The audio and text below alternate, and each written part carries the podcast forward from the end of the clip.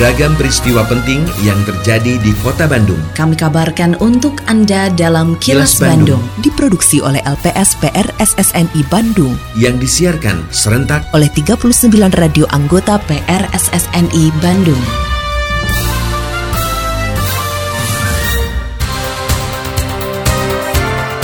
Sejumlah informasi aktual kami hadirkan untuk Anda dan inilah informasi utamanya.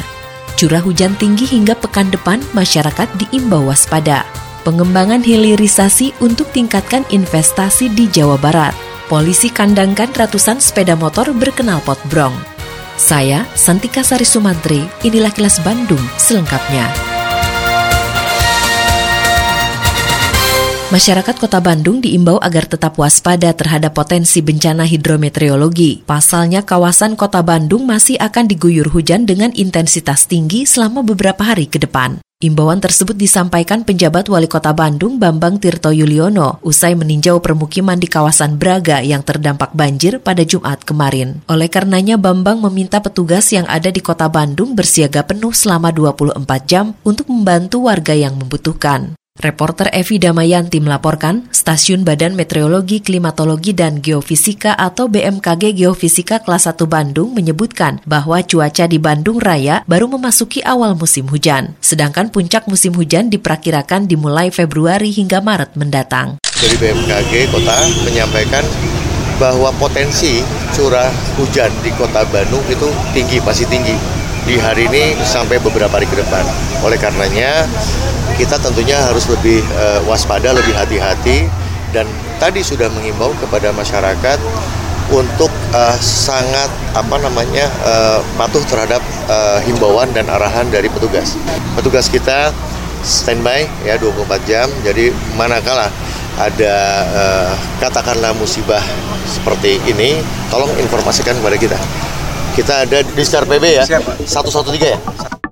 Tahun politik dan belum pulihnya kondisi global membuat perlambatan ekonomi diperkirakan masih terjadi di tahun 2024.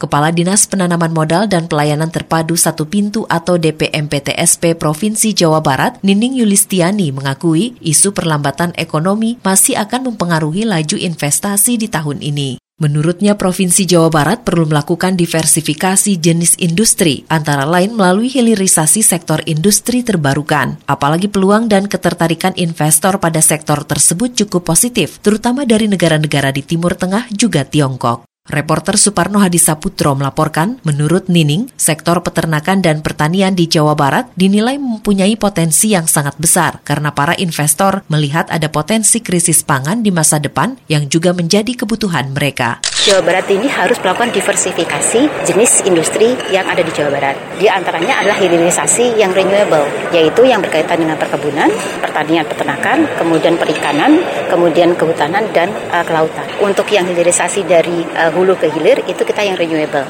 Untuk negara-negara Timur Tengah sama China, itu mereka responsif ingin mengembangkan posisi industri agriculture dari mulai peternakan, pertanian, perkebunan di Jawa Barat karena potensinya besar sekali. Karena mereka melihat potensi adanya krisis pangan ke depannya, kebutuhan mereka karena kita ekspor kita ke China juga salah satu di antaranya berkaitan dengan pangan. Mereka sudah melihat itu. Tahun 2023 menjadi tahun terakhir dalam Rencana Pembangunan Jangka Menengah Daerah atau RPJMD Provinsi Jawa Barat 2018-2023. Visi terwujudnya Jawa Barat juara lahir batin dengan inovasi dan kolaborasi diklaim telah tuntas. Kepala Badan Perencanaan Pembangunan Daerah atau Bapeda Provinsi Jawa Barat, Yendra Sofyan mengatakan, selama lima tahun terdapat beberapa pencapaian, antara lain turunnya tingkat pengangguran terbuka, pulihnya laju pertumbuhan ekonomi, dan berkurangnya jumlah penduduk miskin. Oleh karenanya pada tahun 2024 ini, penjabat gubernur hanya melanjutkan program pembangunan yang sudah dilakukan dengan mengacu pada Rencana Pembangunan Jangka Panjang Daerah atau RPJPD Provinsi Jawa Barat 2025-2045. Reporter Suparno Hadisaputro melaporkan, menurut Iendra, rencana pembangunan daerah tersebut nantinya menjadi acuan bagi gubernur terpilih untuk menyusun program ke depannya. 2024 kita mengarahkan bahwa Pak PJ Gubernur pemimpin daerah yang ditugaskan memang bagaimana supaya pemerintahan berjalan, kemudian pembangunan yang dirancang itu dijalankan dengan baik. Konsepnya adalah tiga tahun ke depan melanjutkan apa yang sudah dibangun di lima tahun ke belakang dan mempersiapkan untuk 20 tahun ke depan, paling tidak ada lima tahun ke depan untuk gubernur terpilih nanti. Artinya bahwa dari Bapeda sudah menyiapkan satu RPJPD 20 tahun ke depan, 2025-2045 yang akan dibahas di bulan April Mei dengan DPRD dan ditargetkan Agustus selesai karena RPJP harus menjadi acuan untuk menyusun RPJMD Gubernur terpilih.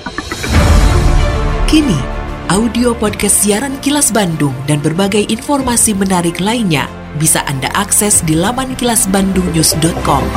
Penanaman pohon oleh PT Kereta Api Indonesia diharapkan bisa dilakukan di areal jalur kereta api yang rawan longsor. Harapan tersebut disampaikan Kepala Teknik Kereta Api Direktorat Jenderal Perkereta Apian Kementerian Perhubungan Chandrawan pada acara penanaman pohon oleh PT Kereta Api Indonesia Daerah Operasi 2 Bandung di Depo Lokomotif Bandung. Reporter Agustin Purnawan melaporkan, menurut Chandrawan, penanaman pohon di area rawan longsor dapat memitigasi kerugian dan korban bencana longsor di jalur kereta api. Apalagi di wilayah Daops 2 Bandung, terdapat beberapa titik yang dinilai berpotensi rawan longsor dan banjir. Harapannya penanaman eh, pohon di wilayah Daops 2 Bandung bisa di lokasi-lokasi yang jalur kereta api yang memang nanti bisa memitigasi risiko terjadinya banjir maupun longsor. Harapan eh, kami ke depan program ini tidak berhenti hanya di tahun ini Pak, bisa berkelanjutan sehingga jalur kereta api kita khususnya di wilayah Daup 2 Bandung sudah penuh dengan vegetasi yang bisa menahan terjadinya longsor.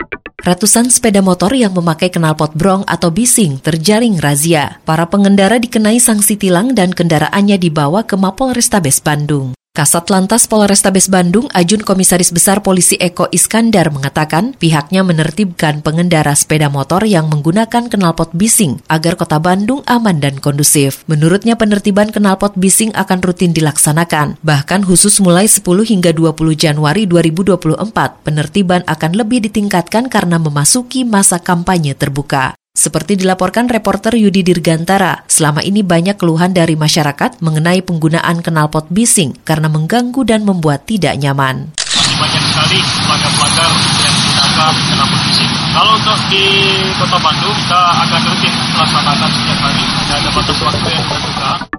Badan Amil Zakat Nasional atau Basnas menargetkan penyaluran bantuan kemanusiaan untuk masyarakat di jalur Gaza, Palestina mencapai 250 miliar rupiah. Ketua Basnas Nur Muhammad mengatakan bantuan kemanusiaan tersebut akan disalurkan dalam tiga tahap, yaitu tanggap darurat sebesar 30 persen, masa rehabilitasi 10 persen, dan masa rekonstruksi 60 persen. Bantuan yang dikirim Basnas tersebut berasal dari masyarakat Indonesia melalui sejumlah lembaga donasi, antara lain Basnas Provinsi, Kota, Kabupaten, Majelis Ulama Indonesia, organisasi masyarakat, komunitas termasuk mitra platform digital, juga kampus serta sekolah. Reporter Suparno Hadisaputro melaporkan, menurut Nur, distribusi bantuan kemanusiaan sebagai wujud kepedulian masyarakat Indonesia terhadap bangsa Palestina. Kita tidak membantu peperangan, tetapi kita membantu kemanusiaan. Demikian juga akan memperlihatkan pada dunia bahwa Indonesia yang jumlahnya atau mayoritas muslim adalah teman dekat bagi bangsa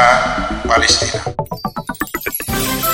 Terima kasih Anda telah menyimak Kilas Bandung yang diproduksi oleh LPSPR SSNI Bandung.